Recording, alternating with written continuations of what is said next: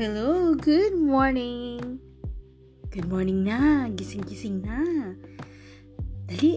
Mamati na sab kita sa mga pulong sa Ginoo. Kini si Teacher D, Teacher Daisy Desiring for God ug nang hinaot nga daghan pa usab ang mag-desire ni God. Atong sundan ang mga pagbasa sa maayong balita mahitungod kang Hesus Sumala sa Ebanghelyo ni San Mateo versikulo 3c um, ang atong basahon gikan sa maayong balita Biblia ug sa tamang sugod magampo kita. Sa ngalan samahan sa anak sa Jesus Espiritu Santo. Amen.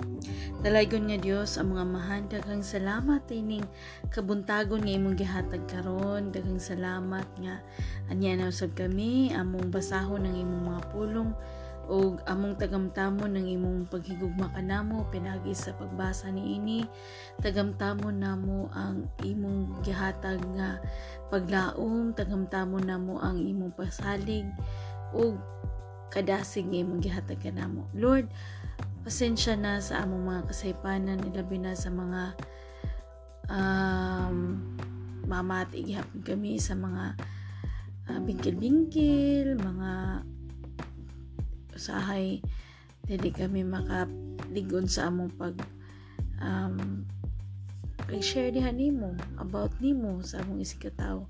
Not punta nga face to face among maistorya na ang among faith to each other.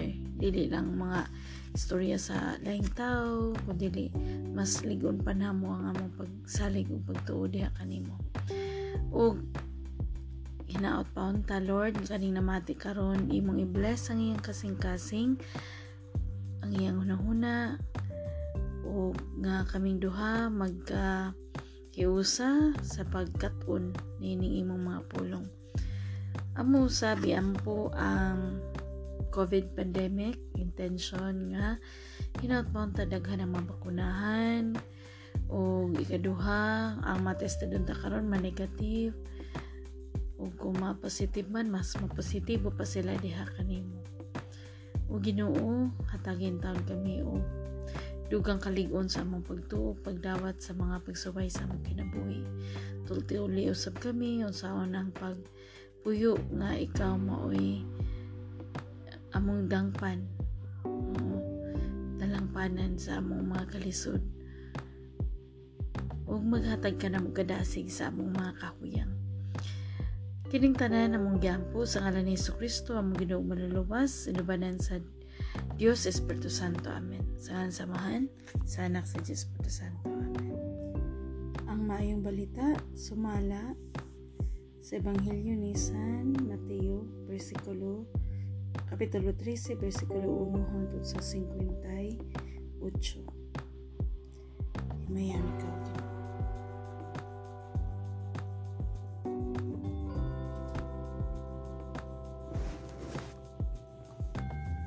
Ang sabingay mahitungod sa pagpugas. Versikulo 1 hangtod sa 9. Niana, gihapong adlaw mibiya sa Jesus sa balay umilingkod sa daplin sa lanaw.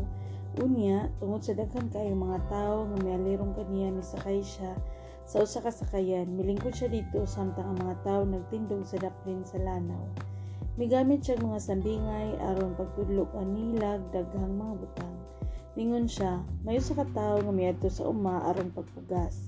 Sa pagsabod niya sa binhi adunay nahulog sa agianan ug miabot ang mga langgam ug gipanuka kini. Ang uban nahulog sa yuta nga batuon ug nanurok dayon kay jutay raman ug dili lahom ang yuta. Apan sa pagsubang na sa adlaw nalaos ang bag-ong nanurok ug kay wala man makagamot pagayo nangalaya dayon kini. Ang ubang mga binhi dito nahulog sa dapit sa mga tunokong sagbot. Nanubo ang mga tunokong sagbot ug gilupig ang mga bagong tanom. Ug ang uban nahulog sa maayong yuta ug namunga. May namunga og balig sa kagatos kapilo kaysa natanom ang uban balig napulog unong kapilo ug ang uban balig katluan kapilo. Umingon sa Jesus, Busa kung aduna kamoy dalunggan, pamati. Ang tuyo sa mga sambingay. Kapitulo 10, versikulo 17. Unya, ang mga tinunan miduol kang Hesus ug nangutana kaniya nganong sambingay man ang imong gigamit sa pagtudlo kanila. Si Hesus mitubag, ang mga tinago mahitungod sa paghari sa Dios gipadayag na kaninyo apan wala ipadayag kanila.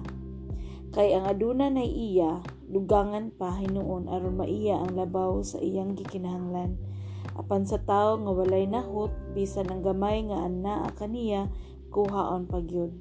Nagamit ako og mga sambingay sa akong pagtudlo kay kanila kanila kay nagtan-aw sila apan dili makakita ug namati apan dili makadungog ug dili makasabot. Busa natuman ang panagna ni Isayas nakakita kamo ug nakadungog apan nagpakabuta bungol lang kamo kay kining mga tawhana gahig ulo.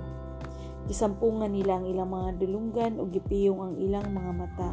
Kay dili sila buot makakita ug dili buot makadungog. Kay tingali unyang makasabot sila ug mobalik kanako ug sila ako ngayuhon nagingon ng Dios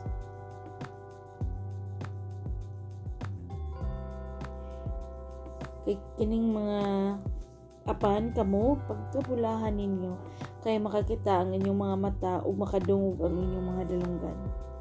Sultihan ko kamo. Tinuod daghang mga propeta ug daghang mga tawo sa Dios nga buot gayud unta mo tan-aw. Sa inyong nakita apan wala sila makakita. Gusto untang mamati sa inyong nadungog apan wala sila makabati Gisaysay ni Hesus ang kahulugan sa sambingan mahitungod sa magpupugas. Kapitulo 18 hangtod sa 23. Busa, pamati ka mo usabta ninyo ang kahulugan sa sambingay mahitungod sa pag magpupugas. Katong nakadungog sa mensahe mahitungod sa gingharian apan wala makasabot niini at tuon sa yawa ug sakmiton gikan kaniya ang mga binhi nga napugas diha sa kasing-kasing. Sama niini ang binhi nga nahulog didto sa agianan ang binhi nga nahulog sa yutang watuon sama sa mga tawo nga malipayong midawat sa mensahe sa pagkadungog nila niini. Apan wala kini makagamot diha kanila busa dili sila mulahutay. Sa pagabot sa mga kalisdanan ug mga paglutos tungod sa mensahe mobiya dayon sila. Ug ang binhi nga nahulog sa dapit nga tunukon nga sagbot samang sa mga tawo nga nakadungog sa mensahe apan ang mga kabalaka bahin niining kinabuhi ug ang gugma alang sa mga bahandi may patigbabaw kay sa mensahe ug dili sila makabunga. Ug ang binhi nga napugas dito sa mayong yuta sama sa mga tawo nga nakadungog o nakasabot sa mensahe mamunga sila tag usa ka gatos. Ang uban tag unom ka ka uh, napulog unom ug ang uban tag katluan ang simbingay mahitungod sa mga sagbot kapitulo 20 uh, 13 bersikulo 24 hangtod sa 30 Unya may sugilon si Jesus kanila laing sambingay. Ang paghari sa Dios may sama sa usa ka tawo nga nagpugas ug maayong binhi didto sa uma. Usa niya nakagabi samtang nangatulog ang tanan usa ka kaaway ang miadto misabod og liso sa mga sagbot sagol sa trigo ug unya mibiya. Sa nakatubo na ang mga tanom umisugod na pagbuswak ang mga uhay, diha pa mailhi ang mga sagbot. Ang mga sulugod sa tagiya miduol kaniya ug mingon, Sir, maayo man unta ang binhi nga imong gibugas o pandiin man gikan ang mga sagbot. Siya mitubag, usa ka kaaway ang naghimo niini sila nang mutana kaniya gusto ka bang mangadto kami? Ug pangudto namo ang mga sagbot. Siya mitubag ayaw. Kay sa inyo unyang pag-ibot sa mga sagbot basig maapil ang kaibot ang trigo. Pasagdi ninyo nga ang trigo o ang mga sagbot magdungag tubo hangtod sa ting ani kaingon ko ingnon ko raon niya ang mga tig-ani. Ibta ninyo ang paguna ang mga sagbot. Bugkusa kini og gilabay ngadto sa kalayo apan tiguma ang trigo ug gipusa dito sa akong kamalig. Ang sambingay mahitungod sa liso sa mustasa. Unya may siguyilon si Jesus, Kapitulo uh, 13, versikulo 31 hanggang sa 32. Unya may siguyilon, may sugilon si Jesus kanila kaing sambingay. Ang paghari sa Dios sama sa aliso sa mustasa, nagikuha sa usa ka tawo gipugas dito sa iyang uma. Mao kini ang kinagamyan sa tanang liso apan sa pagtubo na niini, nahimo kini nga labing dako sa tanang tanong. Nahimo kining kahoy nanug nanugdon ang mga langgam ni ini og nagsalag sa iyang mga sanga. ang sambingay mahitungod sa ipat patubo sa pan. Kapitulo 13, versikulo 33. Si Jesus misugulin na usab kanila og ang sambingay. Ang paghari sa Dios sama ni ini gikuha sa usa ka babaye ang papatubo sa pan ug gisagol sa balik tulo ka takos nga harina hangtod mitubo ang tibuok minasa. Ang paggamit ni Jesus sa mga sambingay. Kapitulo 34 hangtod sa 35. Si Jesus may gamit uh, versikulo 34 hangtod sa 35. Si Jesus may gamit og mga sambingay aron pagsugilo ni ining mga butanga ngadto sa mga tao. Wala siya gisulti kanila bisag unsa nga dili pinaagi sambingay. Gihimo niya kini aron matuman ang gingon sa propeta. Mogamit akong mga sambingay sa akong pagpakigsulti kanila Suginan ko sila mga butang nga wala pahibaloy sukad mabuhat ang kalibutan. Gisaysay ni Jesus ang kahulugan sa sambingay may tungod sa mga sagbot. Kapitulo 13, 36 hangtod sa 43. Unya may biya sa Jesus sa mga tao misulod sa balay. Ang iyang mga tinunan miduol kaniya og Pasabta kami sa kahulugan sa sambingay mahitungod sa mga sagbot sa uma. Si Jesus mitubag ang nagpuga sa maayong binhi mao ang anak sa tao. Ang umama ang kalibutan ug ang maayong binhi mao ang mga tawo nga sakop sa gingharian. Ang mga sagbot mao ang mga tawo nga sakop sa yawa. Ug ang kaaway nga nagsabot sa sagbot mao ang yawa. Ang pagpangani mao ang katapusan sa kalibutan ug ang tigani mao ang mga anghel. Sa mga ang mga sagbot, hipuson ug sunugon mausab kini ang mahitabo sa katapusan sa kalibutan. Ipadalaon niya sa anak sa tawo ang iyang mga anghel Ipuso nila gikan sa iyang gingarian ang tanan nga maoy nakaangin sa mga tao sa pagpakasala. Lakip ang tanan nga nagbuhat og daotan. Itambok sila ngadto sa kalayo nga nagdilaab diin, maghilak sila ug magkagut sa ilang hipon. Unya ang katawhan sa Dios mudan-ag sama sa adlaw dito sa gingarian sa ilang amahan. Busa kun may dalunggan kamo pamati.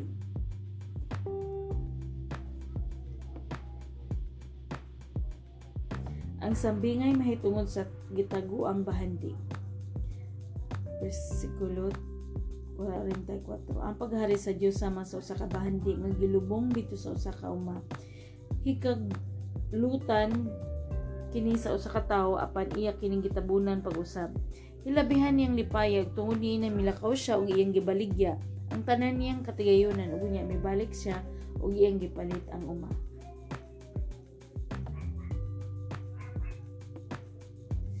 Ang sabingay mahitungod sa perlas. Ang paghari sa Dios 45 ngadto sa 46. Ang paghari sa Dios sa mausab sa usa ka negosyante nga nangitag maanindot nga mga perlas.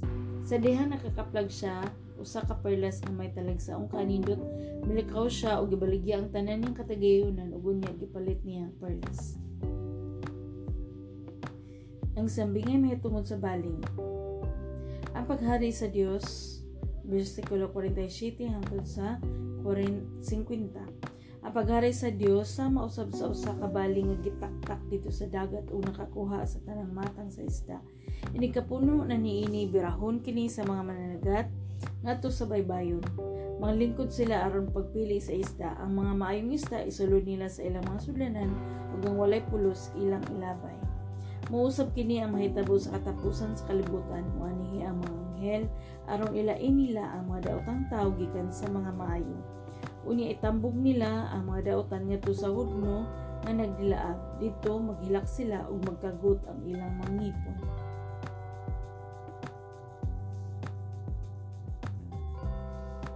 Bago og karaang mga kamaturan. Versikulo 51 ngadto 52. Nakasabot ba mo ni ining mga butanga.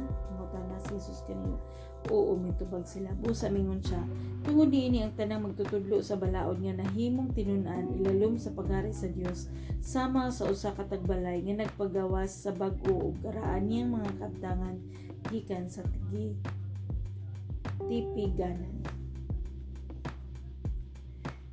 Gisalikway si Jesus dito sa iyang kaugalingong dapit Kapitulo 53 nga 58. Sa nakahuman na si Jesus pagsugilon sa maong mga sambingay, mibiya siya ni atong dapita. May pauli siya sa lungsod nga iyang gipuy-an. Nagtudlo siya dito sa ilang sinaguga ug natingal niya ang nakadungog kaniya. din man niya kuha kining maong kaalam nangutana sila ug din man siya gahom paghimog mga milagro dili ba mao man ka na siya ang anak sa panday dili ba si Maria man ang inahan dili ba igsuon man ka na siya ni Santiago ni Jose ni Simon ug ni Judas dili ba niya man dinhi ni aman dinhi magpuyo ang tanan niya mga igsuong babae diin man niya kuha kining tanan Tungod niini gisalikway nila siya. Umingon si Jesus kanila. Ang usa ka propeta tinahod bisan diin gawas lang sa lungsod nga iyang gipuy-an ug sa iyang kaugalingong panimalay. Busa wala mohimog daghang muling milagro dito kay wala man sila pagtuo. Mao kini ang pulong sa Ginoo. Amen. Buyag-buyag. Ang pinakasamari sa atong gibasa karon about sa gingharian sa Ginoo. No? Tapos atong atuning ko na tagsa-tagsaon ha. Kaning nanlimbaw ta akong balhibo. Kaning bang gibasa nga kuan gipaklaro gud ni sa Ginoo nga na siya mo ang gingon ni Isayas, si Isayas mo nang gitulong ni sa Dios Amahan. Nya kaning mga klase-klase nga about sa kingharian. Nakabati mo? Unsa siya ka importante, unsa siya ka mahinungdanon. Hmm? Pugibuyag, kani nga part no, kaduha na ni natong gibasa nga kuan sa dusi na gihapon ning busa ko na doon na kami dalunggan pamati. Kasi may way dalunggan di ba kitang mga tao gitagaan tayo dalunggan. Dunggan. Para mo gamito na to pagdungog pero nagay yung mga tao nga wala itugot sa Ginoo nga makabati na yung mga tao nga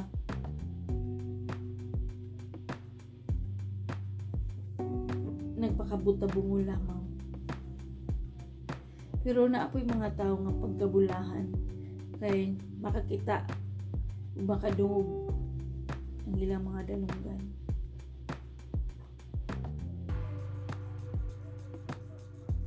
So atong atong kuan nagi ingon pa na kaaway na ay maayo na ay dili maayo na ay makatarunganon na dili makatarunganon.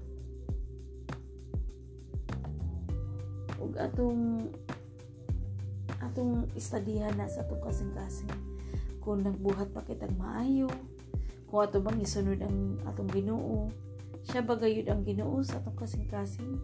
Na mati bagayod kita sa iyang pulong. Kay very particular si Jesus Christ nga pwede ra ka mo like. Pwede ra ka mo like kutob pero wala diha ang imong pag puyo wala diha sa imong kasing-kasing ang pag hunahunahon sa maayo kani igsoon nga inyong kani si teacher din ah ingabot po ko sa punto sa akong kinabuhi sa una nga ganahan ako mamati og naay mag-share about God about kuan pero mo, mo siya mula mulapos lang siya sa pikas dunggan Nandili siya ingon nga mo hold dire sa akong kasing-kasing. Pero sa dihang kuan ang Ginoo particular gyud nga ano bang imong ipaduol lang atong kaugalingon? Kita magpaduol niya. Kita musilong sa iyang iyang pagkahari musilong sa iyang pagka hatag nga paglaom nato. Musuy musilong ta. Ug musalig ta niya lahi gyud. Lahi ra gyud. Sa tinuod lang nabasa ko naman ni oo pero lahi pud ang iyang gibutang diri sa akong kasing-kasing karong mga taknaa nga sa may atong nabatayan ni ato naging harian ng istorya sa Heso Kristo si Heso Kristo nga nagpakamatay sa krus para ikaw ug ako maluwas ngayon kalibutan nga puno sa kasakit.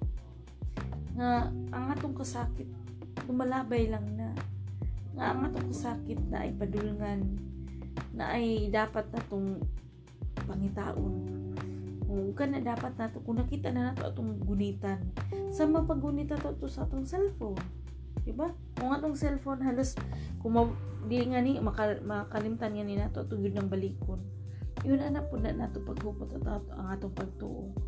Nya di ba kung kung unsay atong nakatunan ato ipamalita? Oo. dili lang ang mga dautan. So importante kung unsay atong ipamalita importante nga atong tan kini sooner or later o malagi ta kahibaw kung kano sa takwaon sa Ginoo. Mao na nga kinahanglan atong paharion. Diri ang atong Dios atong kasing-kasing para kita makahat maka makahatag maayong binhi maka maka-share og maayong maayo. Ato sa atong isig ka tawo kung ini istorya nato maayo nga pulong ining lihok nato maayo nga panlihok pero yung pa kaning imo igsuon is a work in in progress. Dili pa ko yun ana kakuan. Na pa ko daghang ipang patch up. Daghan nga mga ipang ipang ayuhon. Oo. Hinay-hinay pero na ang Ginoo nga dapat ako oo mga sitwasyon sa kinabuhi nga. Dapat. Puro gini paghari sa Dios hmm. mustasa gamay lang. Pero kung ipugas mo na nga ni imo na nga ning ipatapan sa pagtubo ni ini. Mm, mahimo kining dako. Labing dako sa tanang tanong so kinahanglan patubuon nato tong pagtuo palawmon patubuon paligunon. No, di ba? Pwede nga I believe nga paggaman wala kay wala tay uh, pagkaon ini wala na to. Kan ah. Mm. Usa kini ka maayo nga pagtulon ano? Nga na-enjoy na gayud ang Dios amahan. Tapos kanang nalang ko na, na kuan patik sa akong una-una diri no? Kaning naa sa 33 Si Jesus misigwilo na usab kanila og laing sabi nga ang paghari sa Dios sama niini gikuha so sa kababayang ipapatubo sa pan ug gisagol sa balig tulo katakos nga harina. Hangtod mitubo ang tibuok minasa. Kabang mo ako reflection na ni tulo katakos mura maning harina og para nako mo ni ang Dios Amahan, Dios Anak ug Dios Espiritu Santo. I just don't know. Basta kinalan kompleto siya para buo, buo ang imong pagsalig, buo ang imong pagtuo, buo ang imong pagkigugma. Hmm. Walay Timan na nato sa 37 ha, si Jesus mitubag ang nagtuga sa maayong binhi, mao anak sa tao. So si Hesus Kristo man na ang anak sa tao, so kani nga binhi ato ni siyang amumahon. Naa na ang binhi sa pagtuo, binhi sa paglaom, binhi sa pagigugma nga ang gingharian sa Ginoong Amahan, Dios Amahan, tinuod gayud. O kaning mga tao nga sakop sa yawa mo kani ang mga kaaway sa atong Ginoo. So dapat atong andamon na atong kaugalingon, andamon nato ilhon pud nato ug sa mga lihok sa yawa. Kay kung atong gitagad ang atong pagka pagkaanak sa Ginoo, atong ilhon pud unsay kinaiyan niini ug atong kining likayan. Oo. So, Pagganindot anion sa 43 unya, ang katawan sa Dios mudan ag sama sa adlaw dito sa gingharian sa ilang amahan, busa kun may dalunggan kamo pamati. Pareho sa verse 9, pareho sa 43. Kaya ba mo kaning kun may dalunggan kamo pamati. Mao kini ang mensahe nga mabasahan nato dito sa Revelation. Mo gipadayag naa dito sa pito kasimbahan busa kung may dalunggan pamati kapito gyud kapito kasimbahan ang very meaningful kaayo nga gihatag dito